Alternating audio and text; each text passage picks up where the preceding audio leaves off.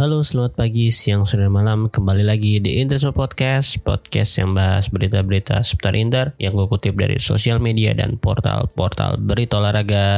Kali ini gue ngetek tanggal 1 Juli malam hari ya. Dan akhirnya pemain-pemain baru Inter diumumkan juga, diresmikan juga oleh sosial medianya Inter di websitenya juga udah diresmikan. Terus kalau untuk di website Serie A, ini sebenarnya udah ada empat pemain baru yang dikontrak oleh Inter, yaitu ada Romelu Lukaku, Christian Aslani, Hendrik Mkhitaryan dan Andre Onana. Nah, tapi baru tiga nih yang diumumin di sosial media baru Romelu Lukaku kemarin. Pokoknya dia gercep tuh kalau Romelu Lukaku yang paling pertama dia nyampe, dia tes medis langsung diumumin di HQ-nya Inter, langsung disambut oleh Steven Zhang juga. Kemudian Christian Aslani pemain yang kedua itu juga lumayan unik ya peresmiannya atau perkenalannya itu malah si Romelu Lukaku yang kayak nge-present dia nanya pemain itulah pokoknya dia lagi ngobrol sama Steven Zhang dia ngomongin Christian Aslani terus baru aja nih di saat gue ngetek main ketiga yang diresmikan itu Andre Onana. Akhirnya yang sebenarnya dari pertengahan musim kemarin kan udah deal ya menurut Fabrizio Romano dan Di Marzio tuh udah deal lah menurut mereka tuh udah here we go udah fix ke Inter. Cuman ya Inter memang selalu begitu ya nggak pernah mau ngasih tis atau ngasih ngeresmin pemain sebelum jadwalnya diresmiin. Karena mungkin memang menghormati kontrak yang masih berjalan karena tanggal 1 Juli ini baru ya. Kan statusnya free agent. Si Andre Onana ini baik Andre Onana maupun Hendrik Mkhitaryan tuh ditransfer dari klubnya masing-masing dengan status free agent. Kontraknya udah habis kontrak terakhirnya tuh habis di tanggal 30 Juni. Mungkin Inter memang menghormati kontrak tersebut jadi nggak mau mengumumkannya sebelum kontraknya habis. Jadi baru tanggal 1 Juli ketika mereka udah berstatus free transfer baru mereka diumumkan jadi pemain Inter. Nah tinggal Hendrik Mkhitaryan nih yang belum. Kalau untuk tes medis kemarin kita udah melihat foto-foto yang ada di sosial media ya dia udah ke klinik humanitas di Milan. Jadi mungkin baru tanggal 2 Juli besok akan diresmikannya ya. Atau bahkan memang dijeda dulu karena ini udah tiga pemain nih yang diresmikan. Dan gue belum nemu video video-video kreatif kayak musim-musim sebelumnya ya. Romelu Lukaku tuh yang waktu dia tiga tahun lalu ke Inter kan dibikinin video yang dia giant gitu kan. Jadi kayak Ultraman gede gitu di, di gedungnya HQ Inter. Ya untuk Romelu Lukaku anehnya ya gue nggak ngerti kenapa dia memilih nomor 90 untuk digunakannya musim depan. Kalau meme-memnya atau bercanda-bercandaannya fans Inter, fans Chelsea itu 90 ini melambangkan keuntungan Inter setelah penjualan ke Chelsea kemarin itu kalau di pound sterlingin 97,5 terus balik ke Inter dengan nilai 7,5 jadi keuntungan Inter 90 juta pound sterlingnya cocok lagi aja ya cuman eh, kalau untuk analisis ngasalnya gue sih ya karena dia tetap mau pakai nomor 9 ada 9 yang unsur 9 ya. Mungkin 99 juga di sini karena Pinamonti kan statusnya balik ke Inter dipakai Pinamonti 9 juga ada Zeko ya jadi dia mau ngomong 90 padahal masih ada nomor-nomor lain ya kayak 18 kayak dia di Chelsea dan di West Brom. Di West Brom pernah 18 juga kayaknya dia. Ada 18 terus kalau gue sih pengennya dia pakai nomor 9 lagi ya. Untuk kepentingan penjualan jersey juga kayaknya nomor uh, 90 itu gue nggak tahu bakal lebih banyak yang beli atau enggak? Harusnya sih Lukaku balik ke nomor 9 Zeko yang pindah ke nomor 11 cuman ya di sini untuk sampai saat ini kondisi atau status Zeko memang menurut Di Marzio dan pakar-pakar transfer lainnya dia nggak masuk ke daftar jual Inter karena Inter ingin mempertahankan satu striker yang nggak bermain di Piala Dunia. Dan ya itu Zeko. Zeko dengan Bosnianya udah dipastikan tidak lolos kan kemarin. Sedangkan kayak Romelu Lukaku Lautaro Martinez Joaquin Korea Alexis Sanchez ini memang nggak masuk Piala Dunia Chili. Cuman kan emang dia udah nggak diproyeksikan untuk main Inter musim depan. Satu lagi mungkin Paulo Dybala yang akan mengisi striker keempat di Inter. Eh kelima ya. Karena saat ini udah ada Zeko udah ada Lautaro Korea dan Lukaku. Dybala juga uh, asal Argentina kemungkinan dia akan dibawa oleh timnas Argentina ke Piala Dunia. Nah karena si Zeko ini nggak mungkin dijual mungkin persentasenya dijual 5% lah saat ini. Ya jadi dia stay pakai nomor 9 gue sih lebih setuju pakai nomor 11 soalnya dia di timnas juga kayaknya pernah pakai nomor 11 deh. Terus untuk Christian Aslani Christian Aslani juga udah mengumumkan nomor punggungnya dia akan pakai nomor 14 peninggalan dari Ivan Perisic semoga keberuntungannya menurun lah ya. Skillnya juga boleh lah walaupun beda posisi. Christian Aslani ini gue jujur belum menganalisis atau menilai permainannya secara full game. Cuman yang ketika lawan Inter lawan Empoli Ya memang dia cukup merepotkan lini tengah Inter ya. Dan mencetak satu gol juga kan ke gawang Handanovic. Itu golnya juga lumayan bagus kontrol bolanya lumayan bagus. Nah jadi gue percaya sih dengan BP Marota untuk mengontrak pemain ini. Ini salah satu pemain muda yang termahal dibeli Inter ya. E, kemarin ada listnya yang list paling mahal tetap nomor satu yaitu ada Alessandro Bastoni. Ini listnya pemain under 20 yang termahal dibeli Inter. Dengan biaya sekitar 14 juta juga mungkin itu juga pertanda dari nomornya ya. 4 juta loan nah 10 juta nanti obligation untuk membeli secara permanen. Ini mirip-mirip seperti Christian Vieri sih. Christian Vieri waktu itu memilih nomor punggung 32 karena saat itu dia memecahkan rekor world transfer fee seharga 32 juta euro. Jadi dia memilih nomor punggung 32 oh iya satu fakta menarik juga. Kemarin juga sempat ditis oleh Instagramnya Inter akun sosial media Inter.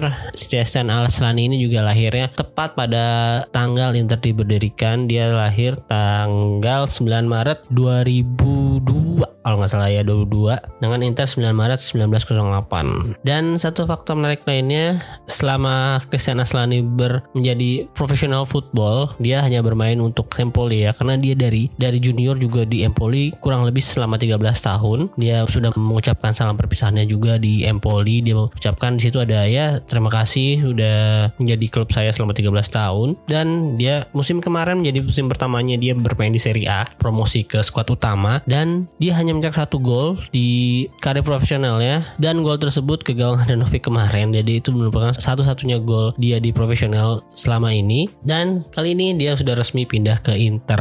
Tim yang diboboli oleh dirinya. Diboboli bahasanya nih juga ya. Ya begitulah Kemudian Andre Onana, Andre Onana kemungkinan sih karena di Ajax dia menggunakan nomor 24 dan di Inter saat ini nomor 24 juga masih kosong, belum ada pemiliknya. Setelah ditinggal oleh Christian Eriksen, ya kayaknya dia bakal tetap pakai nomor 24 atau mungkin kalau Sensi uh, cabut, dia kan nomor 12. Jadi biasanya kan kiper kedua tuh pakai nomor 12. Mungkin Andre Onana juga akan memilih nomor tersebut. Cuman feeling gue sih tetap ke 24. Gue nggak tahu itu nomor keberuntungannya atau bukan ya. Sedangkan untuk Henrik Mkhitaryan Rian sebelumnya di Roma dia menggunakan nomor 77 tapi di Inter 77 udah ada pemiliknya ya yaitu Marcelo Brozovic pemain kunci dan andalan Inter. Gak mungkin dia disuruh ganti nomor kan. Jadi feeling gua sih ini Hendrik Mkhitaryan antara akan menunggu nomor 7 peninggalan Alexis Sanchez atau feeling gua sih nomor 13 ya. 13 setelah peninggalan Ranocchia belum ada yang mau milih nih. Padahal ya banyak orang bilang kan nomor angka sial cuman di sepak bola atau di olahraga lain banyak kok pemain hebat bernomor punggung 13 dan untuk saat ini akhirnya si Henrik Mkhitaryan dan Alexis Sanchez berada pada satu tim yang sama. Setelah ketika gue lupa tahun berapa pokoknya Alexis Sanchez dan Mkhitaryan ini dijadikan alat barter kedua tim sebelumnya ya yaitu Manchester United dan Arsenal. Kala itu Alexis Sanchez yang sedang bermain bagus di top performanya di Arsenal dibarter oleh Henry Mkhitaryan ya yang performanya juga padahal nggak bagus-bagus banget di MU gue juga nggak ngerti kenapa sih eh, Arsenal mau ngebarter Alexis Sanchez padahal umurnya juga sama-sama tua. Maksudnya udah di golden age lah ya sekarang udah sama-sama tua nih. Henry Mkhitaryan 32 kalau nggak salah ya sama lah sama Alexis Sanchez. Cuman kedua pemain tersebut ternyata nggak bisa memberikan performa yang sama di tim sebelumnya. Sanchez di MU flop Sedangkan ya Mkhitaryan juga di MU nggak bagus-bagus banget di Arsenal juga ya sama gitu-gitu aja. Cuman kemarin di Roma merupakan salah satu pemain yang berbahaya sih menurut gue dua musim ke belakang Inter itu kayaknya sulit banget untuk mengantisipasi Mkhitaryan ya. Dia punya ya walaupun ya nggak punya speed bagus-bagus cuman agility-nya bagus, dribblenya bagus, uh, shootingnya bagus. Kalau nggak salah waktu di Copa atau di mana Inter menang selisih dua gol 3-1 ya. yang satunya si Mkhitaryan tuh dari tendangan di luar kotak penalti atau dalam kotak penalti yang kencang itu lumayan. Jadi untuk backup Calhanoglu gue sangat senang lah, cukup senang lah. Calhanoglu skill oke, okay. pengalaman Serie A juga oke. Okay. Nah si Mkhitaryan ini backupnya juga mempunyai experience yang luar biasa di UCL maupun di Serie A dia udah bermain selama tiga musim kalau nggak salah. Jadi untuk pemain gratisan walaupun tua ini oke okay banget sih. Dan semoga Mkhitaryan masih bisa mengeluarkan performa terbaiknya di Inter satu atau dua tahun lah ya.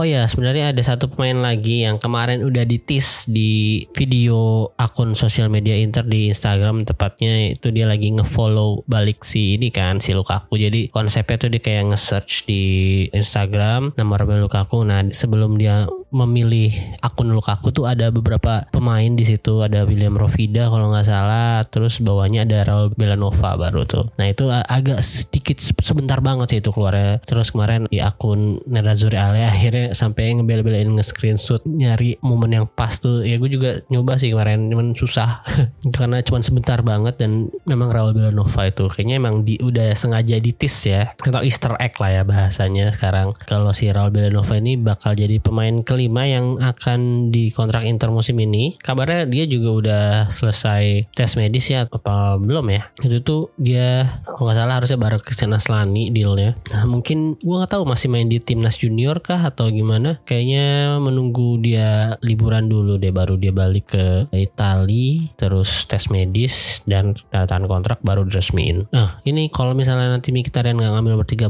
sih feeling gue si Raul Belnovan yang ngambil nomor 13.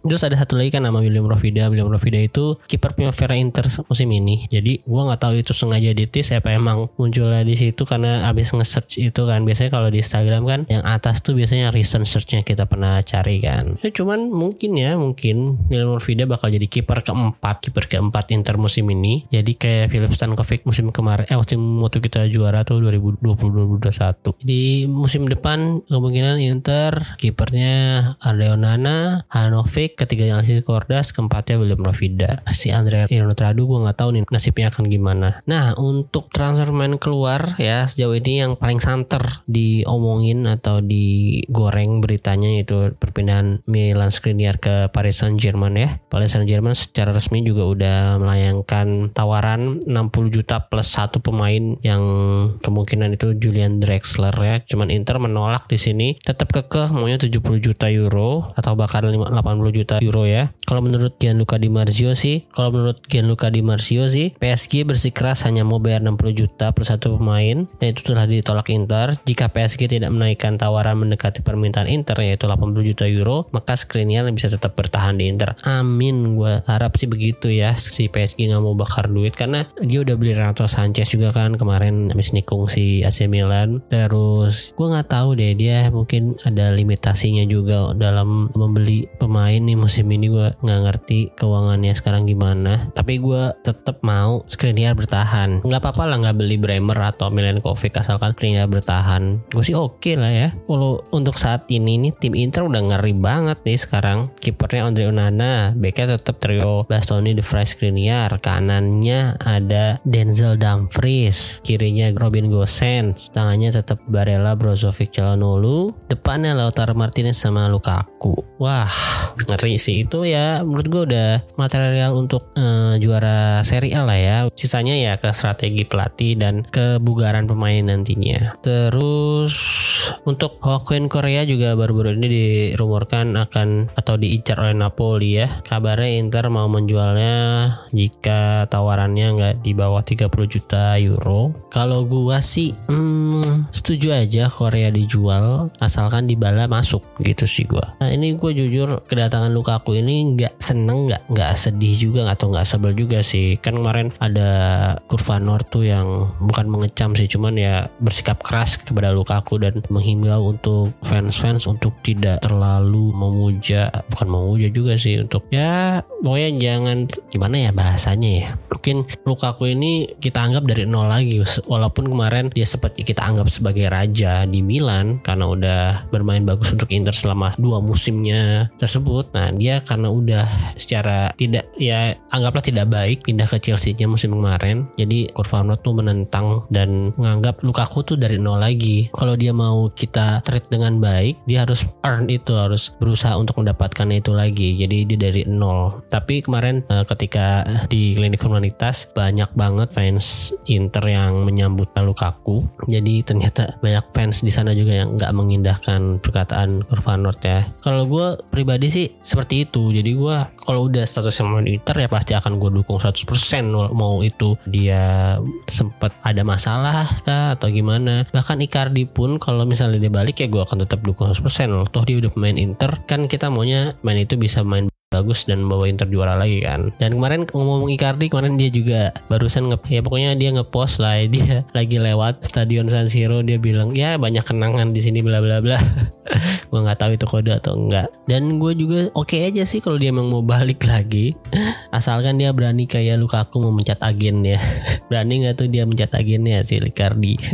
Nah tapi balik lagi di sini gue nggak seneng banget, nggak sebel juga kedatangan Lukaku. Cuman pastinya gue bakal sebel banget kalau misalnya ngedatangin Lukaku ini sama dengan dirajadi mendatangkan Paulo Dybala. Waduh tuh gue sebel banget. Aneh aja. Maksudnya ini kesempatan untuk Inter punya pemain sekelas Paulo Dybala secara gratis gitu. Dari beberapa musim terakhir itu kan nah, Inter ngincer Dybala, terus waktu dia masih di Palermo juga Inter ngincer Dybala. Dybala juga pernah sempat dikasih baju Inter dan dia bilang suatu saat nanti uh, eh, gue mau pakai baju ini. Sekarang itu kesempatan emas banget. Ya tapi sih kalau menurut kabar ya ya memang untuk Lukaku ini kan transfernya lebih urgent ya. Maksudnya memang harus dilakukan sebelum tanggal 30 Juni. Gue nggak ngerti kenapa mungkin masalah pajak dan lain-lainnya. Kalau di Bala memang masih bisa menunggu. Cuman kabarnya juga di Bala yang jadi masalah di sini ya agennya itu meminta agent fee yang cukup gede sampai 10 juta euro. Jadi di sini kalau menurut beberapa pakar transfer. Pertama dari Luka Marsetti Dybala hanya menunggu Inter dan standby karena dia nggak ada tawaran lain atau nggak mau menunggu tawaran lain. Terus kalau dari Il Masegiro BB Marotta ingin tuntaskan transfer Dybala sebelum 6 Juli 2022 terus kalau menurut GDS Dybala sudah menyetujui gaji 6 juta euro dari Inter namun agen Dybala harus turunkan permintaan komisinya yang mencapai 10 juta euro. Nah ini nih masalahnya berarti di si agentnya ya. Gua nggak ngerti harusnya berapa untuk agent fee untuk pemain yang bebas transfer? Normalnya berapa sih standarisasi agency fee-nya untuk pemain? Apakah berdasarkan valuasinya? Karena kalau dari valuasi kalau dibala saat ini sih masih 60 juta euro ya. Kayaknya 50 atau 60 juta euro lah ya. Nah mungkin terakhir gue akan membacakan uh, beberapa rangkuman berita atau uh, analisis juga dari akun International collab dengan fans Nerazzurri di Instagram. Judul postingan postingannya itu menelisik strategi dan kebijakan transfer Inter musim panas ini sudah tepatkah? Nah, mungkin ini analisanya atau tulisannya berdasarkan berita-berita transfer yang marak diberitakan oleh beberapa media dalam beberapa hari terakhir di minggu ini. Pertama, korbankan pemain bertahan. Dalam kutipan wawancara Marota beberapa waktu lalu, ia mengatakan lebih mudah untuk mencari seorang back daripada seorang penyerang. Nah, ucapan ini menjadi penanda jika Inter akan mengorbankan salah satu backnya di pusat transfer ini. Nama yang paling santer adalah Skriniar. Gak nggak wajib dijual tapi kalau ada duitnya cocok ya mungkin akan dilepas itu menurut mereka. Sejauh ini Bremer dan Milinkovic jadi nama terdepan untuk menggantikan posisi tersebut. Nah tadi seperti yang gue udah ucapkan sebelumnya sih ya kalau gue eh, lebih memilih untuk Skriniar stay dan tidak mendatangkan back baru ya kalau misalnya itu bisa dilakukan Kemudian fokus di sektor penyerangan. Marata juga menyebutkan jika Lautaro bakal menjadi inti dari proyek Inter saat ini. Dengan kata lain, manajemen ingin menambah amunisi di lini serang dengan menjadikan Lautaro sebagai pusat dari permainan tim. Untuk mendukung proyek tersebut, sejauh ini Inter udah mendatangkan Lukaku yang dipinjam dari Chelsea selama setahun. Sedangkan kalau di Bala ini masih dalam tahap negosiasi ya. Ya mungkin ya memang di Bala ini transfernya masih harus menunggu Alexis Sanchez atau Vidal keluar ya karena gaji di Bala yang kabarnya sekitar 6 juta plus 1 juta untuk bonus. Itu kan cukup gede sedangkan Inter saat ini juga harus memangkas gajinya tuh. Barusan ada berita juga harus memangkas 10 sampai 15% dari musim sebelumnya. Nah ini juga akan menjadi tricky ya. Kalau misalnya Sanchez dan Vidal belum dilepas mungkin belum bisa. Terus selanjutnya pinjamkan yang muda dan jual yang tua. Strategi transfer lainnya adalah menyekolahkan pemain muda di klub-klub peminat agar mereka bisa terus bermain di level tertinggi dan memiliki jam terbang yang yang cukup bagus. Main muda ini bisa dimasukkan ke dalam proyek tim maupun dijual nantinya. Kemudian Inter juga berusaha menyingkirkan pemain tua yang minim kontribusi. Untuk apa? Tentu saja untuk berinvestasi dengan mendatangkan pemain baru yang sesuai dengan proyek Inter, menjadi tim yang lebih kompetitif di musim depan. Yap, dengan cara itu slot gaji pemain yang keluar akan bisa dialokasikan untuk pemain baru. Tentunya pemain gratisan juga, makanya transfer di bala masih alot. Nah, seperti yang gue ucapkan tadi kan makanya di bala ini masih ditahan transfernya karena belum ada pemain yang dengan gaji besar yang keluar. Selanjutnya, siap menyiapkan Vice untuk pemain inti di setiap lini. Seperti yang kita tahu ya, musim kemarin untuk Vice-nya itu bener-bener kita nggak dalam ya, cukup dangkal lah ya kedalaman timnya ya. Brozovic nggak main langsung kacau. Ya makanya eh, tidak hanya menyiapkan pemain kualitas di sektor penyerangan, Inter juga menyiapkan pemain baru untuk menjadikan Vice pemain inti. Bukan cuma di satu posisi tapi di semua lini. Seperti Aslani dan Belanova yang diproyeksikan untuk menjadi pemain pengganti untuk Brozovic dan Dumfries di musim depan, bahkan di masa depan nantinya. Di posisi penjaga gawang ada Onana yang udah diresmikan juga kan. Dan ini mungkin akan jadi pesaing Handanovic ya. Kemarin beritanya juga Onana nggak langsung jadi kiper utama. Jadi mereka masih harus bersaing nih siapa yang lebih baik untuk mendapatkan posisi inti. Ini menurut gue cukup bagus. Nah, jadi ada persaingan lah ya. Seperti zaman zamannya Toldo dan Julio Cesar dua kiper itu bagus banget. Tapi memang Toldo juga udah tua umurnya saat itu. Nah saat ini juga Handanovic kondisinya juga seperti Toldo udah tua udah 37 tahun sekarang. 38 mungkin musim depan ya. Dan Onana juga gue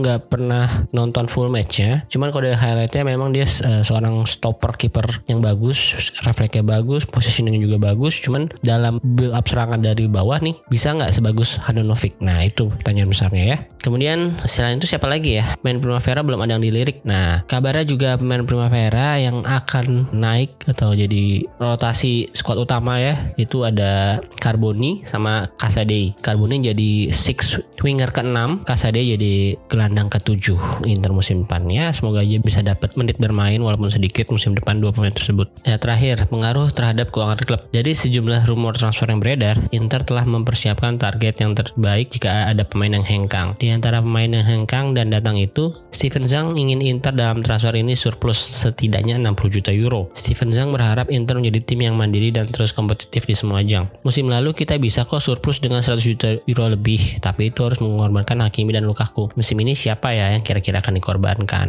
Nah, semoga aja bukan Skriniar, semoga aja bisa dapat surplus 60 juta euro itu dari The Fry. The Fry juga pasti harusnya itu plus Valuenza ya, karena dibeli dengan free transfer. Terus kalau bisa dijual dengan ya setidaknya 15 juta itu udah plus Valuenza 15 juta kan. Ya mungkin ya gue gak ngerti hitungan benarnya gimana, cuman kurang lebih seperti itu. Terus ada Benamonti yang dari Primavera juga, walaupun uh, statusnya itu dia udah di buyback ya, atau dari hmm, buyback ya. Oh itu Radu deh yang di dari Genoa ya Ya terus pokoknya ada pemain lagi Sensi yang kabarnya juga udah hampir dekat ke Monza. Cuman Sensi ini statusnya mungkin akan di loan dulu Terus baru opsi tebus musim depan. Ya semoga aja bisa wajib tebus. Kalau nggak permanen langsung lah. Kita udah capek minjem-minjemin pemain. Takutnya nasibnya akan sama kayak Lazaro dan Delbert nih Yang sampai sekarang juga statusnya mungkin masih jadi pemain Inter ya. Gue nggak tahu apakah dia udah dijual atau apa kontrak udah habis. Ya semoga aja dua pemain itu tuh Lord Lazaro dan Lord Delbert bisa terjual langsung langsung lah 5 juta 5 juta lumayan lah. Kemudian siapa lagi yang kemudian dijual ya? Mungkin pemain-pemain muda kayak Satriano Esposito Agume ya. Kalau bisa dijual jual tapi dengan opsi buyback lah nggak apa-apa. Untuk Esposito sih sepertinya udah ke underleg ya udah dengan status pinjaman opsi tebus mungkin. Kemarin juga eh, si Esposito ketemu sama Lukaku kan di klinik humanitas Milan. Pas Lukaku lagi tes medis untuk masuk ke Inter terus mungkin Esposito juga tes medis dulu di sana sebelum ke under Anderlecht. Dan Anderlecht itu juga klubnya Lukaku bukan ya? Waktu di Belgia gue lupa. Kayaknya iya deh. Ya, jadi ya what a coincidence juga. Mungkin kemarin si Esposito nanya-nanya tentang Anderlecht kepada Lukaku juga. Ya good luck juga untuk Esposito lah. Semoga karirnya makin bagus dia masih bisa berkembang tentunya dan bisa dapat menit bermain yang banyak di sana. Setelah kemarin di Basel juga awal-awal musim sempat bagus cuman gue nggak ngikutin selanjutnya. Dia mungkin dia lebih jarang dipasang. Bersama si Darian Malas juga kan kalau nggak salah di sana. Cuma Darian Males emang long term ya, 2 tahun, 2 season peminjamannya jadi kayaknya Darian Males masih tetap di FC Basel. Oke, dari kebijakan transfer tersebut gimana tanggapan kalian? Kalian setujukah dengan strategi Inter di bursa transfer musim panas ini? Kalau gue sih kalau untuk demi kesehatan keuangan klub ya memang harus mengorbankan pemain ya tentunya untuk mendapatkan surplus itu. Yang gue harap itu bukan Milan Skriniar ya karena Milan Skriniar itu untuk di di pertahanan Inter apalagi di Liga Italia ini sangat wah penting banget menurut gue susah nyari pemain penggantinya kalau Marota bilang lebih susah jadi penyerang cuman lebih susah nyari back sih kalau untuk dengan penyerang Inter saat ini udah bagus-bagus kalian inget gak Inter pernah punya back Rolando Campagnaro Andreoli, siapa lagi tuh ya? Ya sebelum datangnya Jason Murilo Miranda itu tuh lini belakang Inter payah banget menurut gua. Dan setelah ya musim-musim Miranda udah datang, terus Skriniar, Bastoni, De Vrij, ya itu baru kita bisa tenang gitu di lini belakang ya sedikit agak tenang lah ya karena mereka benar-benar solid. Kalau dilihat dari segi umur juga Skriniar masih 28 tahun, bahkan udah cocok jadi kapten menurut gua sekarang dia. Kalau misalnya Handanovic nggak jadi pemain utama ya harusnya Skriniar di sisi belakang yang memimpin rekan-rekannya menjadi kapten. Ya cuman kendalanya di sini pasti ada banyak ya gue yakin juga BP Marota dan tim juga sebenarnya nggak mau lepas Skriniar karena mengelola suatu tim nggak semudah kita main FIFA Career Mode atau Football Manager ya. Pasti sejauh ini si Vidal atau Alexis ini susah banget untuk dicari klub peminat yang barunya apalagi karena mereka gajinya juga gede-gede kan. Kabarnya juga si Alexis Sanchez nih agak picky. Kemarin dia dapat beberapa tawaran cuma ditolak-tolakin karena dia masih ingin bermain di level tertinggi di Eropa gitu, masih pengen main di UCL juga. Aduh, ribet juga nih ya. Ya, jadi semoga musim ini bisa berjalan dengan mulus, tidak seroki musim kemarin ya. Kalau musim kemarin gua akuin tuh rocky banget. Dari awal-awal aja kita udah harus kedatangan pelatih di musim sebelumnya itu